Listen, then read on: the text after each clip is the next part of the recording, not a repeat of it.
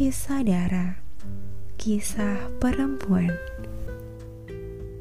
Karya ini dipersembahkan untuk mereka yang meminta saya untuk mengambil jeda di tengah candu kerja.